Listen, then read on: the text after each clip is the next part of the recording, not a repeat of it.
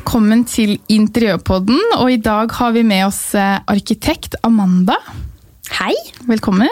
Tusen takk. Så hyggelig at du kunne komme. Veldig hyggelig å bli invitert. Ja, Jeg gleder meg skikkelig til å prate med deg i dag, fordi akkurat det med eh, husbygging og, og arkitektspørsmål, det tror jeg det er veldig mange som lurer på. Så gøy. Mm, og Jeg har fått inn noen spørsmål på Instagram også, men det skal vi ta litt senere. Herlig. Jeg tenkte egentlig å spørre deg om du hadde lyst til å fortelle litt eh, kort om deg selv, for du har jo en litt spennende eh, historie sånn egentlig. For du jobber jo ikke 100% som arkitekt, du holder på med litt annet også. Det er helt sant. Kan ikke du fortelle litt? Du, jeg, eh, jeg gjør veldig mange forskjellige ting. Eh, Først og fremst så har jeg jobbet som arkitekt i åtte år. Og har tatt den utdannelsen og trodde jeg skulle bli det og være det hele resten av livet. Og valgte å studere i utlandet og alt det der. Men eh, sånn ble det ikke.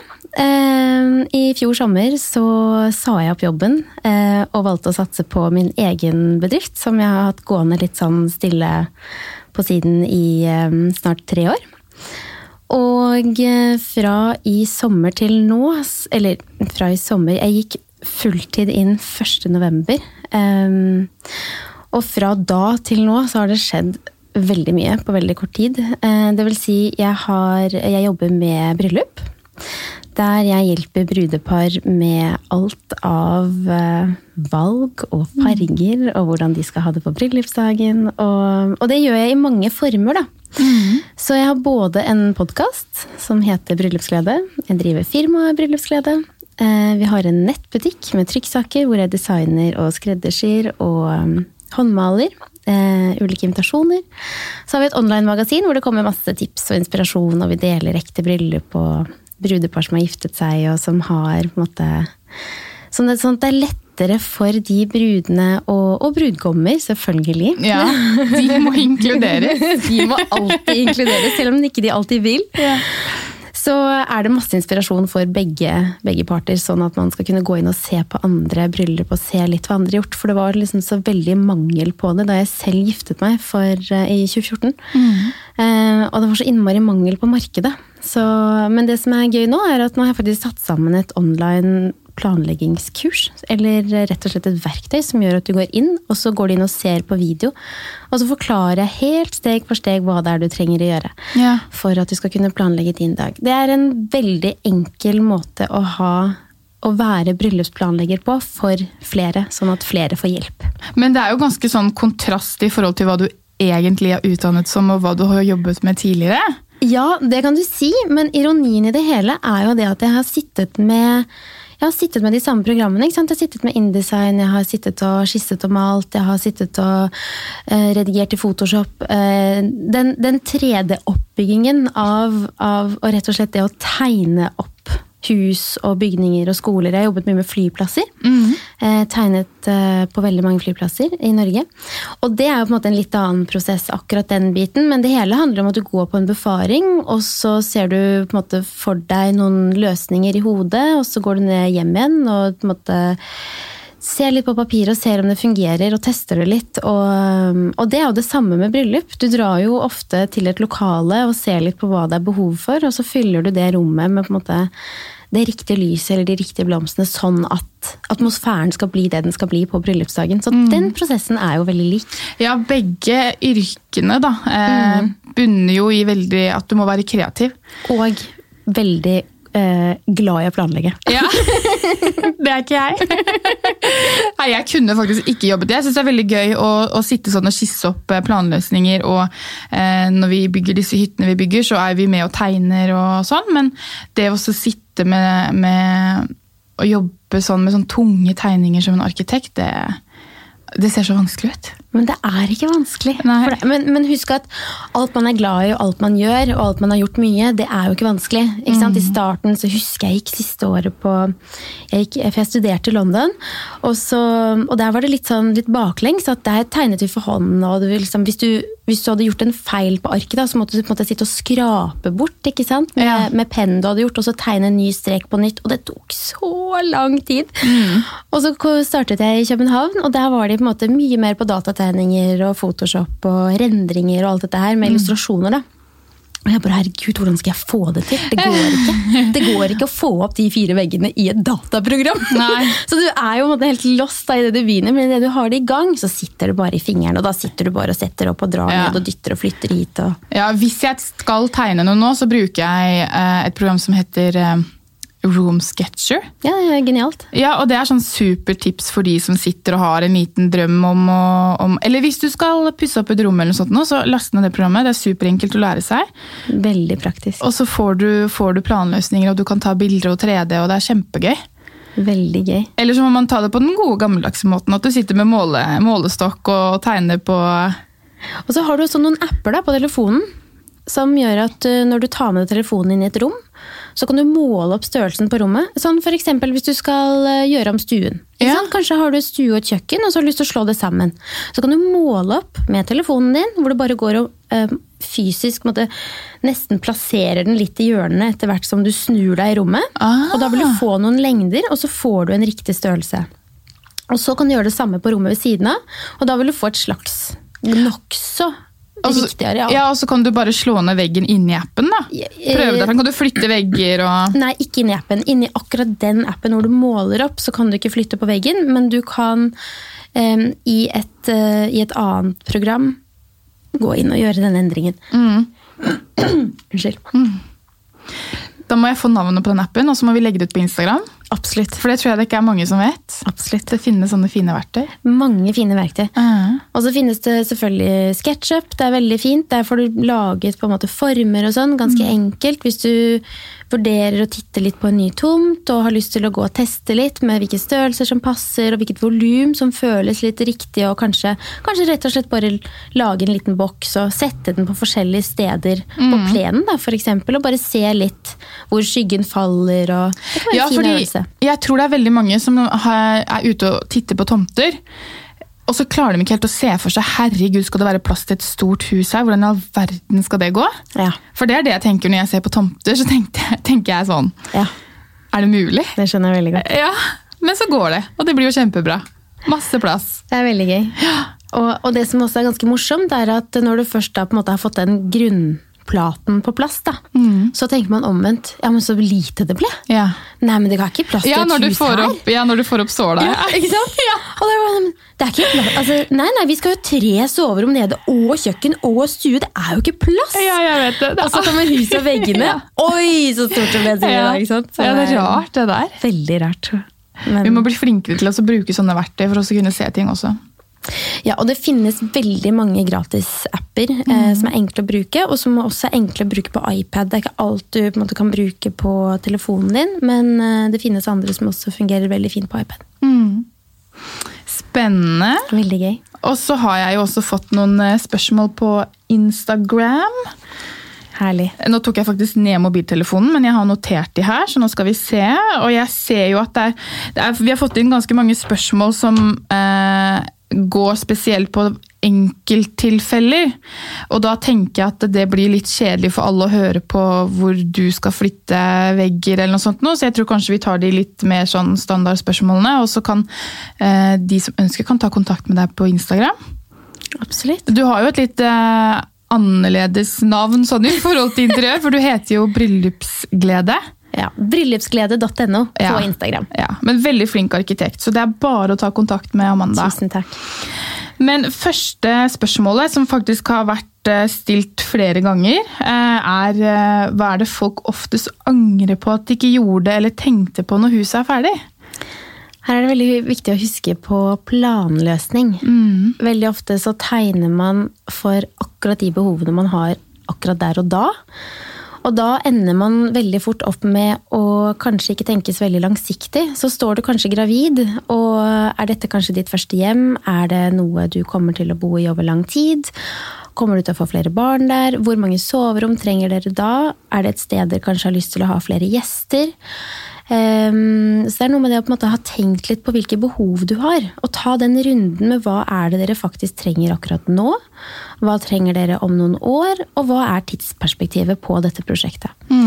Så tenk litt på ehm, Og tenk litt på, på måte, de store rommene. Hva gjør dere? Aktiviteter og sånn. Jeg pleier ofte Det skal jo sies at jeg, jeg leier meg ut til et eiendomsutviklerselskap som heter Egra, som bygger boliger. Um, I tillegg til at jeg jobber som um, uh, bryllupsplanlegger uh, og alt andre. Uh, og der tar vi alltid en runde med kunden hvor du på en måte går litt i dybden for hvilke behov de har. Mm. Og da er det de, der, de litt små tingene som handler litt om hva gjør du når du kommer hjem? Setter du deg ned? Liker du å lese bok? Trenger du på en måte litt plass rundt deg? Trenger du en, trenger du en stol eh, i et hjørne med litt ekstra ro?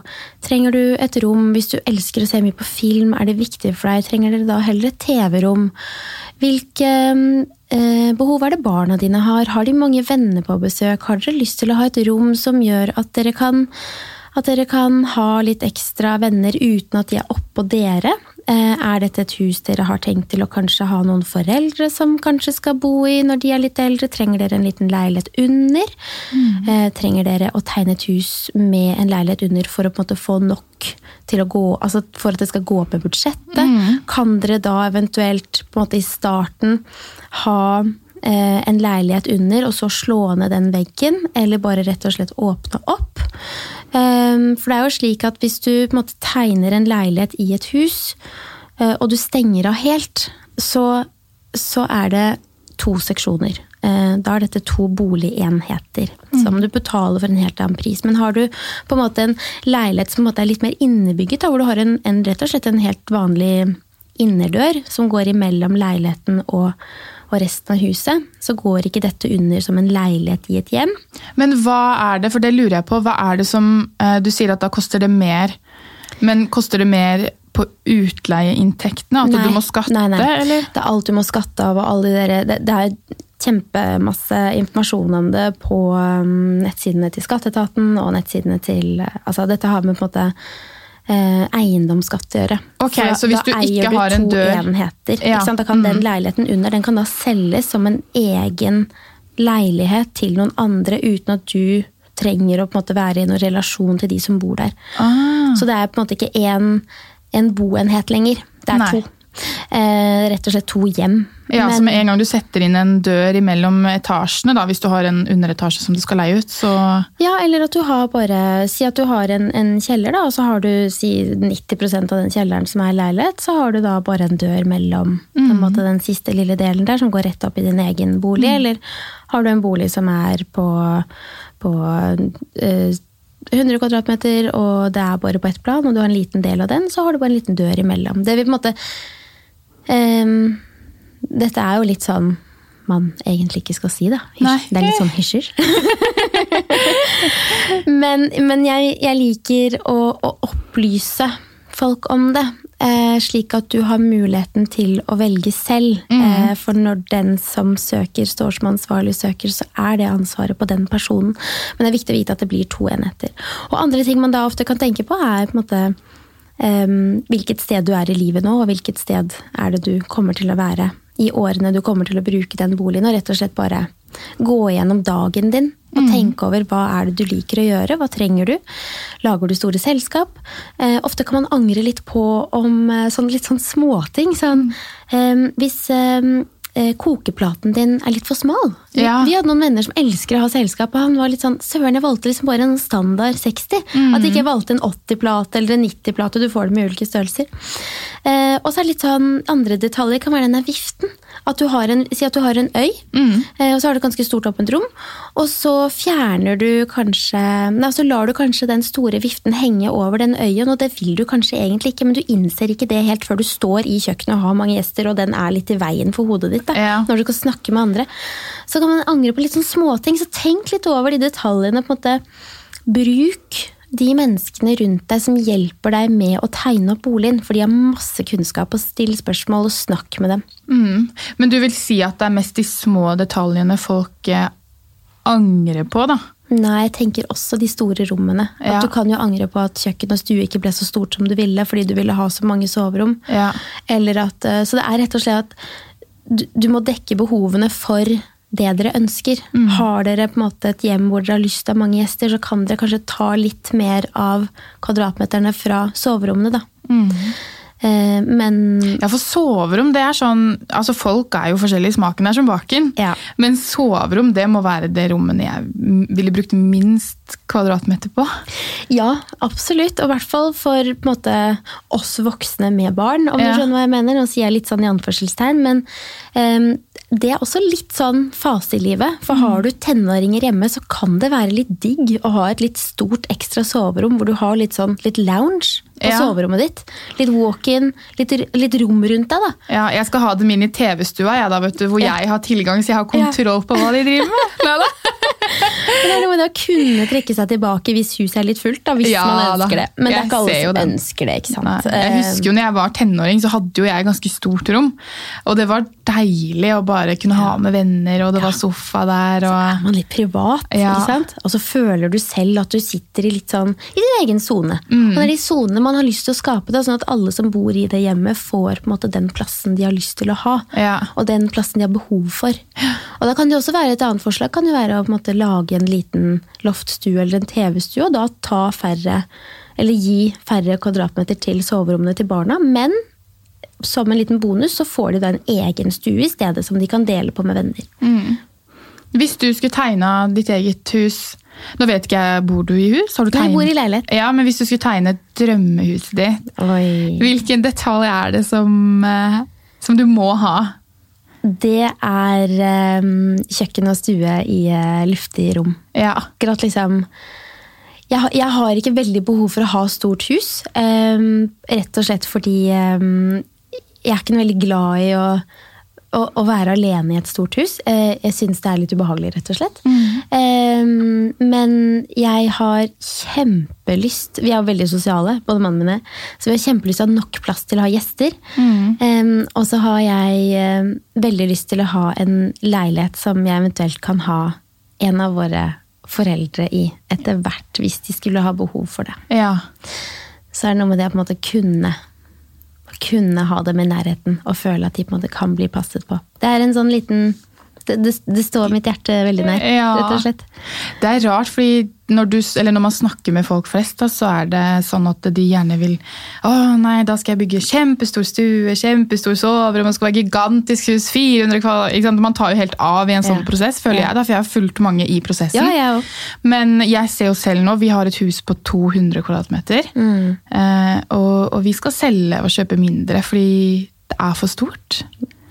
Det skjønner jeg veldig godt. Ja, rett og slett. Og det, tror mange syns at det er rart. Nei, på ingen måte. Nei, men det, det blir litt sånn når du har soverom eh, som du har fylt med ting. Ja. Eh, og du, jeg, jeg hadde jo en episode nå eh, 1. januar med, med Silje fra Rydd hjemme. og der, Da sier jeg det også til henne at det, man blir så sliten av å ikke ha kontroll på ting. Ja. Og jo større plass, jo mer rot. Du bare fyller rommene med rot. Ja. Og det Virkelig. Sånn som ikke jeg hadde lenger. Nei, nei, det skjønner jeg veldig godt. Og det er noe med det at eh, vi bodde i hus selv i flere år. Eh, og så kjøpte vi vår første leilighet, og den var på en måte under halvparten av huset eh, i størrelse. Og huset vi bodde i var også på tre etasjer, men det var så deilig å komme på ett plan. Ja. Og det var så deilig å på en måte kunne Vi har to små barn i tillegg, en på to og en på fire. Så det var så deilig å kunne stå i midten av leiligheten nesten og ha oversikt, om du skjønner hva jeg mener? Ja, ja. At du liksom Ok, men barna løper rundt, og, og, og yngste putter jo fortsatt alt i munnen. Ja. Eh, jeg- Gudene vet hvor lenge det skal vare. Men, jeg håper det gir seg snart. Men det er noe med det å på en måte kunne stå i et rom og føle at du ikke på en måte skal, at du bruker så mye tid på å gå. At du bruker Ja. så mye tid på å brette og flytte. Og vi hadde soverommene øverst. Det er et annet veldig godt tips. Ikke ha soverommene øverst og vaskerommet nederst. Nei, det er utrolig tungvint. Ja. Hvert fall når du har små barn og du ikke har lyst til å egentlig gå fra dem, men du må ha sett på en vask, for plutselig så spydde de. ikke sant? Eller altså, du vet, Det er noe med å tenke på den praktiske biten du er i eh, akkurat nå. Og så er det noe med det at vi ble jo da også veldig klar over, akkurat sånn som dere er nå, at, øh, på at du orker ikke bruke veldig mye tid på uteareal og uterom. og for det- Maling og ja, Det og tar masse tid. Så det var, så det var så godt å komme i leilighet. Ja. Og bare ha sånn praktisk liv. Og så elsker vi jobbene våre og hobbyene våre. Nå ble jo Ja. min hobby min jobb da, i tillegg. Ja. Eh, Men mannen min er jo både måte, ja, Han er mange ting, men han er musiker i tillegg. Og da er, eh, da er det noe med det å kunne bare sette seg ned og spille musikk, og kunne sette seg ned og bare jobbe med de tingene man elsker. Ja. Og ikke føle at nå må jeg gå til hagen, eller nå må jeg ditten, eller Vi har fått en liten hageflekk, det er helt genialt. Barna løper i nærheten, det er kontroll. Og tenk litt på på en måte de rammene. Ikke ha så Hvis du ikke har behov for å bygge stort, så ikke gjør det. Nei, Nei jeg er helt enig. Og så er det noe med det at når du går inn i en prosess, ikke sant? Um, når du skal bygge deg et hus, um, så skal du uh, vil du gjerne finne deg en tomt. Uh, og dette kan ta litt tid for noen. Og først så må du jo da finne litt ut av hva som står i en reguleringsplan. Ehm, og gjerne før du kjøper tomten, sånn at du er helt sikker på at det er, ikke er noen store blokker i nærheten. eller at måtte, Finn litt ut av hva som er planene for nærområdet, så ikke du plutselig havner i en, sånn, i en klem, eller noe blir en blindvei. eller... Ja, for det også er en ting som er veldig fint at du sier, for jeg tror det er mange som eh, Akkurat i området, i hvert fall rundt Oslo og Akershus, er det veldig vanskelig å finne tomter. Veldig. Og når du først finner en, så er det da liksom bare rett på. Den må vi ha med en gang. Og Ja. så sjekker du ikke. Og da sitter du kanskje da, etter et år, når du har flytta inn i drømmehuset, og så blir du bare bygd igjen av boligblokker. Ja. Det er ganske kjedelig. Ja. Og det er det mange, veldig mange som opplever. Ja. Fordi de ikke sjekker. Og det er så dumt. Og den reguleringsplanen er egentlig ganske enkel å finne frem til. Da går du bare inn på kommunens side, og så mm, De er litt ulike, de ulike nettsidene fra kommune til kommune, men det er nokså enkelt å finne frem. Og da finner du det frem til en reguleringsplan. Eh, og vær litt obs på at noen kommuner faktisk har en byggeplikt. Eh, så er det slik at du da skal eh, tegne en bolig, så er det litt kjedelig om det plutselig blir veldig travelt hvis ikke du har gjort deg oppmerksom på dette her før du faktisk kjøper tomten. For er det sånn at du har lyst til å kjøpe en, en tomt, og du ikke helt eh, vet når du kommer til å bygge, eller når måte, budsjettet strekker til, og ditt tidsperspektiv er kanskje fem år, men kommunen sier ja, men her må du bygge inn ett år, så går jo ikke den planen opp i opp. Og den situasjonen har du ikke lyst til å havne i. Men når man ansetter eh, en arkitekt, da, jeg sier ansetter, leier inn, Ja, ta, sjekker dere disse tingene? absolutt. Ja. Dette er eh, Ja, ja, ja. Vi må jo følge alle Ja. regler og lovverk for at ting skal på en måte Altså, det er jo et system for hvordan du gjør det. Men jeg tenkte bare at sånn når du er privatperson og du er ute og titter, så er det veldig fint å gjøre seg litt oppmerksom på disse tingene. fordi tomten kommer du veldig ofte med til en arkitekt.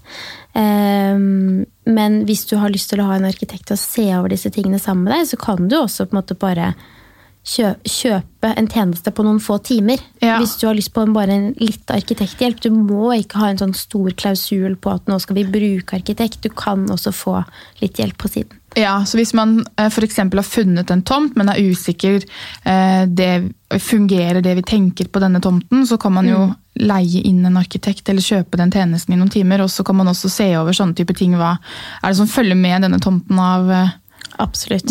Absolutt. Så du er helt sikker på at du får med deg det du, det du gjerne vil. Eh, og så du gjør det på en måte så det passer budsjettet ditt. Det er veldig viktig. Fordi når tomten da er kjøpt, eh, så kontakter man da enten en arkitekt. Eh, mange prøver seg på å tegne litt selv. Eh, men, og noen velger ferdighus. Så det er litt sånn variabelt hva man gjør der. Eh, Men det står faktisk i reguleringsplanen hvor stort hus du faktisk har lov til å tegne. Det vil si, når du kjøper en tomt på 1000 kvadratmeter, og det er eh, 28 og det er en prosentandel da, av måte, de 1000 kvadratmeterne som du da har lov til å bygge en grunnflate på. mm, Ja, for det er jo som regel reguleringer på hvor store Nettopp. hus eller hytter eller noe sånt noe du kan bygge. da. Helt klart. Um, og når du da har lyst til å tegne selv, så får du det selvfølgelig helt som du vil. Men du kan også høre med noen som leverer ferdighus, om de da har lyst til å endre på lite grann. Kanskje du finner et hus som er ganske i nærheten av hva dere ønsker, men så hør litt med dem om hva det eventuelt ville kostet å bare gjøre noen endringer.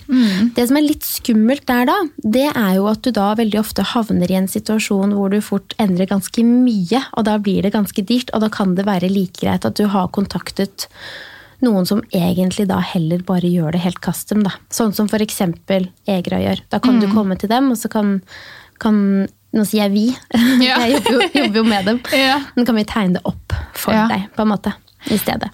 Og da vil jeg også bare legge til at det er ganske fint å gå på disse, disse Bygg reis deg-messene, f.eks.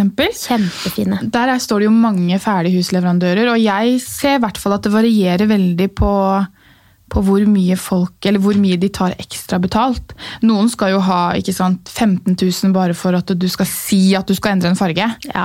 Mens andre så er det sånn nei, nei, det er klart vi fikser det. Så det, Ja. det kommer litt an på. Man må finne riktig leverandør.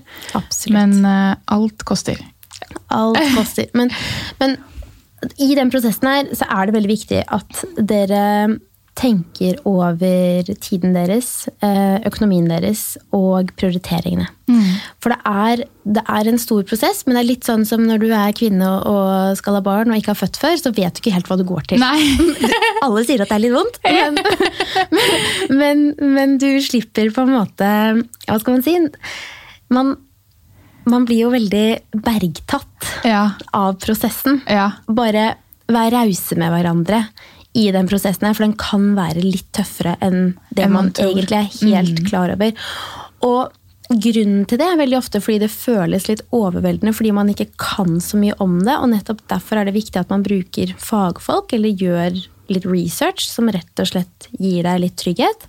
Eller at du bruker fagfolk til å hjelpe deg med å ta avgjørelser. Ja. Eh, Sånn som hos Egra sine kunder så hjelper jeg dem veldig mye med å velge farger, sette opp moodboards, bidra til hvordan interiøret skal være, tenke på fargepalett, men også tenke på kanskje en grunnfarge, og så hva kan være andre komplementærfarger. Hvordan kan du på en måte få det til å bli lunt uten at du skal male alle vegger og grønne og alle tak svarte? Altså, hvordan Ja. kan du på en måte gjøre det litt jeg vil ikke si homogent, men at du på en måte drar opp noe som er litt mer personlig, men at du liksom likevel ikke har kladdet rundt deg med farger overalt. da. Men er alle arkitekter gode på det her? Fordi utdannelsen er vel egentlig ikke retta til dette med Det er helt sant. Ja, så det må jo, Hvis man finner den riktige, så får man jo sikkert fantastisk hjelp, da, som hos deg f.eks. Men, Å, det var veldig hyggelig ja, sagt, men går man til en som er eh, ja, litt oppi åra og liksom, jobber mer med dette med byggesøknader og sånn, så får man jo kanskje ikke den hjelpen. da, Så man må jo tenke det, seg godt om. Ja, og, og så er det litt sånn Jeg vil ikke si at arkitekter ikke kan det. Eh, Jeg tror rett og slett det bare går på interesse. Ja. Eh, At noen er veldig veldig interessert i på en måte, hele prosessen. Og så er det viktig å huske på at når man bruker en arkitekt i store prosjekter, så jobber man jo veldig ofte i team, og da leverer du fra deg prosjektet til, altså, til et visst punkt. Da. For da har du en, enten en interiørarkitekt som overtar, eller en interiørdesigner. Dette er litt sånn avhengig av hvordan man har jobbet i team. Eh, men når du tegner mye med bolig, så har du mange veldig flinke arkitekter som syns det er kjempegøy med den boligbiten. Nettopp fordi da kommer du mye tettere på kunden, du kommer mye tettere på å kunne fortelle en historie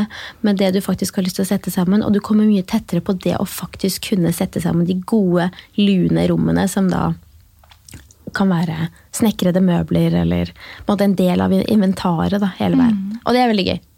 Så jeg tror rett og slett det går på interesse. Ja, absolutt. Og et annet spørsmål som har kommet inn, som jeg vet at eh, som er vanskelig å svare på, er hvor mye koster en arkitekt? Altså hvis du, skal, hvis du sitter og har eh, en drøm om å bygge hus og har litt skisser på, på hvordan drømmehuset skal være, og så gir jeg deg disse skissene og sier kan du tegne drømmehuset til meg? Og kanskje man ikke skal bygge med en gang, men kanskje senere. Hva koster en arkitekt? Og en, en arkitekt isolert sett um, har jo på en måte én pris. Uh, og så har du en, en annen variant, som er hvis du går til en utbygger. Da er det litt enklere å si ok, dette er vårt budsjett. Um, men egentlig så starter man alltid litt med budsjettet man egentlig har selv. Og så tilpasser arkitekten eller de som har tenkt til å bygge huset ditt, altså eiendomsutvikleren, en måte alt interiør, dører, vegger etter din Altså et, etter der hvor dere ligger, da. Fordi vi kan ikke sitte og planlegge et hus til 15 millioner hvis budsjettet ditt er fem. Nei, nei. Det vil jo på en måte ikke gi noe mening, og da har vi sløst masse tid, og så har kunden sløst masse tid. Men så har du noen som kommer til der hvor de er eh, litt mer løse. em, hvor man kan si at ja, men bare tegn et hus, jeg vil gjerne se et forslag. Eh, taket vårt på arkitekt er kanskje 500 000. Og da får du jo være med på en prosess. Og når man sier sånn, ja ok, en arkitekt kan fort koste mellom 100 og 600 000, litt avhengig av liksom husstørrelse og hva man velger, og hvor lenge man skal bruke denne personen osv. Ja, men da er det bare tegningene. Ja, men ja, det er jo egentlig ikke bare tegninger, fordi Nei. det er jo en person som virkelig skaper et drømmehjem for deg. da. Mm. Som hjelper deg med å reflektere over hvilke behov du har, som gjør studier, som gjør lysstudier, som måte, tilpasser alt på tomten, som sender inn, som tar ansvar for hele søknaden, som tar ansvar for all dokumentasjon. Det er masse papir. Ja, Så du tenker hele prosessen? Hele prosessen, tenker jeg da. Og hvis du skal bygge et hus til 10 millioner, så er ikke det en veldig stor kostnad når du tenker på liksom hvor mye som skal inn i den pakken, da. Eh, sammenlignet med veldig mange andre prosjekter som kan være helt andre ting. Ja. ja, det er veldig spennende. Veldig. Men eh, når man skal bygge hus, så er det jo det er, Jeg føler at det, eh, når folk er i den prosessen, så er det veldig mange som lurer på hva koster det å bygge hus. Ja. Og jeg skjønner jo at man heller ikke kan svare på det, fordi det kommer jo helt an på. Men et sånn type standard ferdighus eh, Hva koster det? Du, altså hvis du går inn på eksempel eh, litt ulike nettsider og rett og slett går inn og søker typ ferdighus, Ja. så får du opp um, Du får ferdighus ned i ca. Ja, hva var det jeg fant? Jeg sittet på det her om dagen, faktisk. Uh, rundt 56-60 kvadratmeter, til og med. Ja. Eh, og de kan starte rundt 1,2. ja. Men for å ha det inn med teskje, så har vi da et ferdighus til 1,2 millioner. Veldig lite, da. Det skal sies. Ja. Men du kan få, du kan få et skreddersydd hus hvor du slipper å ta deg av søknadsprosess og få det kjempefint, akkurat sånn som du ønsker til 4-5 millioner. Ja. Men for det jeg lurer på da, hvis du, ok, la oss si at et ferdighus koster 3 millioner. Mhm. Eh, Et helt ok hus, og da er det eh, prisen for huset, og så vil jo da, hva er det som kommer i tillegg, det er tomten, Ja. og så trenger man kanskje ikke en arkitekt da, eller man vil vel alltid trenge arkitekten for å sende inn byggesøknad. ja. Man kan gjøre det selv, det vet jeg, jeg, jeg skal prøve, men Ja. eh, Man kan gjøre det selv. det er tungt altså. Det er veldig tungt. Ja, det er... uh... Det er noe med det at det er veldig mye dokumentasjon. Og når ikke, du, når ikke du har jobbet med denne type dokumentasjon før, så kan det føles litt overveldende, og da kan den prosessen bli litt tung. Og når du da ikke benytter deg av fagfolk under den prosessen dere er i, for det er én ting er jo at dere skal sitte med dokumentasjon, men i løpet av denne prosessen, ikke sant? for du du lager ofte et skisseprosjekt, og så sender du en byggesøknad, og så kommer den i retur, og så skal du sende et nabovarsel. Ehm, hvis byggesøknaden er gått igjennom, da har naboene dine 14 dager på eventuelt klage, og da må det være en litt reell klage. Det kan ikke være sånn 'nei, fy søren, det huset likte jeg ikke', liksom. Det, Den skygger på sola ja. Ja. Men det kan være eh, på en måte Utsikten vår blir, eh, blir tatt, eller eh, ja, så man kan klage på det? du kan klage på det, men, men det handler litt om å være litt lun mot naboene sine også. Da. Så Ja. på en måte, har du hus i første rekke, og det kommer et hus rett foran deg, og du har sjøutsikt, så skjønner jeg at den er skikkelig lei. Altså. Ja, da kan du selvfølgelig så- klage på det, men, Ja.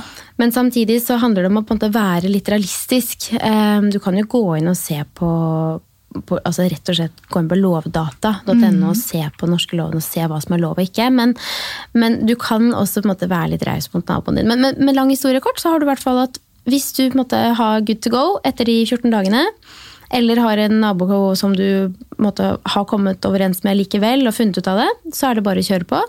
Da går du i gang med noe som heter et forprosjekt. Og da er du så hele tiden i denne fasen så driver du og tar avgjørelser. Så det som er veldig fint med å bruke en arkitekt, er at da får du lagt fokus på hvordan du vil ha det interiørmessig, hvilke møbler du har lyst til å bruke. For ofte så har du lyst til å flytte inn ganske fort.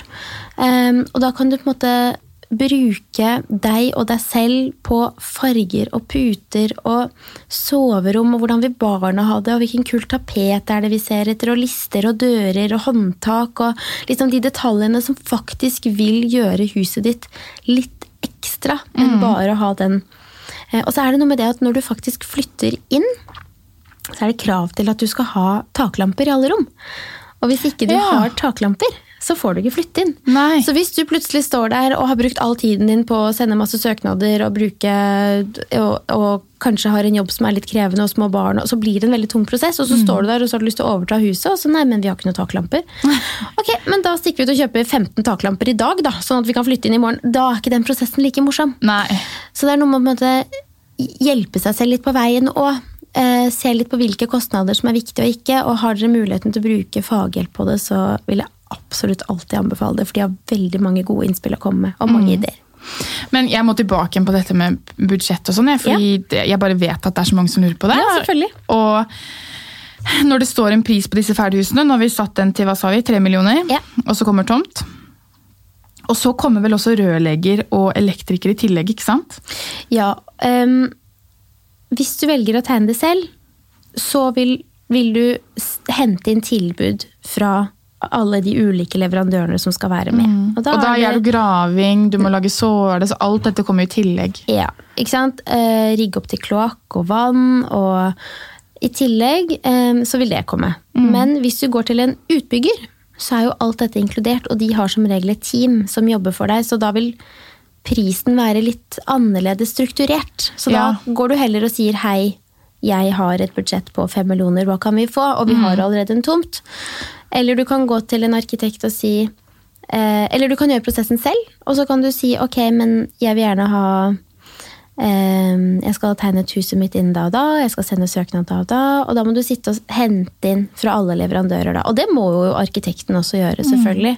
Mm. så det blir den samme prosessen, men du har en fagkyndig som gjør det da i stedet. Mm. Men når du skal bygge, når du, når du tar kontakt med en utbygger, så har vel de sikkert veldig ofte ganske gode priser hos Ja. underleverandører. Og så har de underleverandører som de er vant til å jobbe med, Ja. så prosessen går mye fortere. Ja, for hvis du skal hente inn fra mange forskjellige, så må du holde på med det som jeg driver med til daglig. Og det er å være prosjektleder. Og å Ja. være prosjektleder for håndverkere, det anbefales ikke. Det er ganske tungt. Ja. Hvorfor kan ingen møte opp til eh, avtalt tid? Ja, det er et godt spørsmål. Ja, nei da, men det, det funker det, altså. Men jeg syns det er spennende, fordi jeg tror det er mange som ikke vet hvor mye du faktisk kan gjøre selv. Mm. Men så er det også mange som ikke forstår hvor tungt det er, da. Mm. Eh, Så jeg, jeg skjønner at det er gøy også å sitte og drømme om å bygge hus og, og sitte i disse programmene som vi snakka om i stad, og liksom tegne opp eh, drømmehuset. Og det kan man gjerne gjøre. Ja. Og så kommer du gjerne med noen forslag og noen skisser som du allerede har gjort deg opp. Ikke sant? Dette er viktig for oss. Vi spør gjerne om en wishlist. da. Eh, og noen tegner da faktisk et lite hus eller to plantegninger eller første og annen etasje. Dette er liksom behovene våre. Så tar vi det med i betraktningen. ikke sant? Så du må gjerne gjøre den jobben. Den er ikke bortkastet. Om du går til en arkitekt, da får du bare enda mer valuta på pengene. da, Ja. sånn. Så det er bare bra. Ja. Spennende. Hvordan er stilen din hjemme? Og ehm, ikke mange farger. Ikke? Nei. Men du er opptatt av interiør, det hører jeg jo ut ifra det du forteller om. ja. Eh, Men det vi har gjort, er at vi har ganske Ja, altså, jeg elsker Slettvoll-stilen. Ehm, det er nok eh, mye det rene.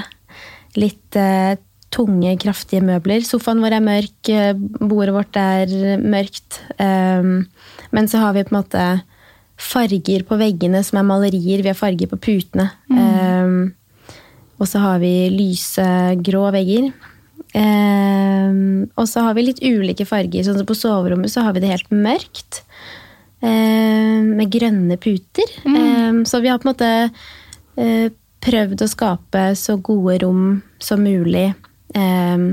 og sett behovene for hvert enkelt rom, da. Og ikke på en måte gjort alt likt i hele leiligheten. Og det anbefaler jeg litt når man jobber med å- å skal pusse opp og sånn selv også, men ikke ha ikke mal hele leiligheten i bare hvit, men bare men se litt på behovene deres. Det kan være ganske deilig å ha et soverom i en mørk farge. Jeg elsker det. Har du mørkt tak òg, da?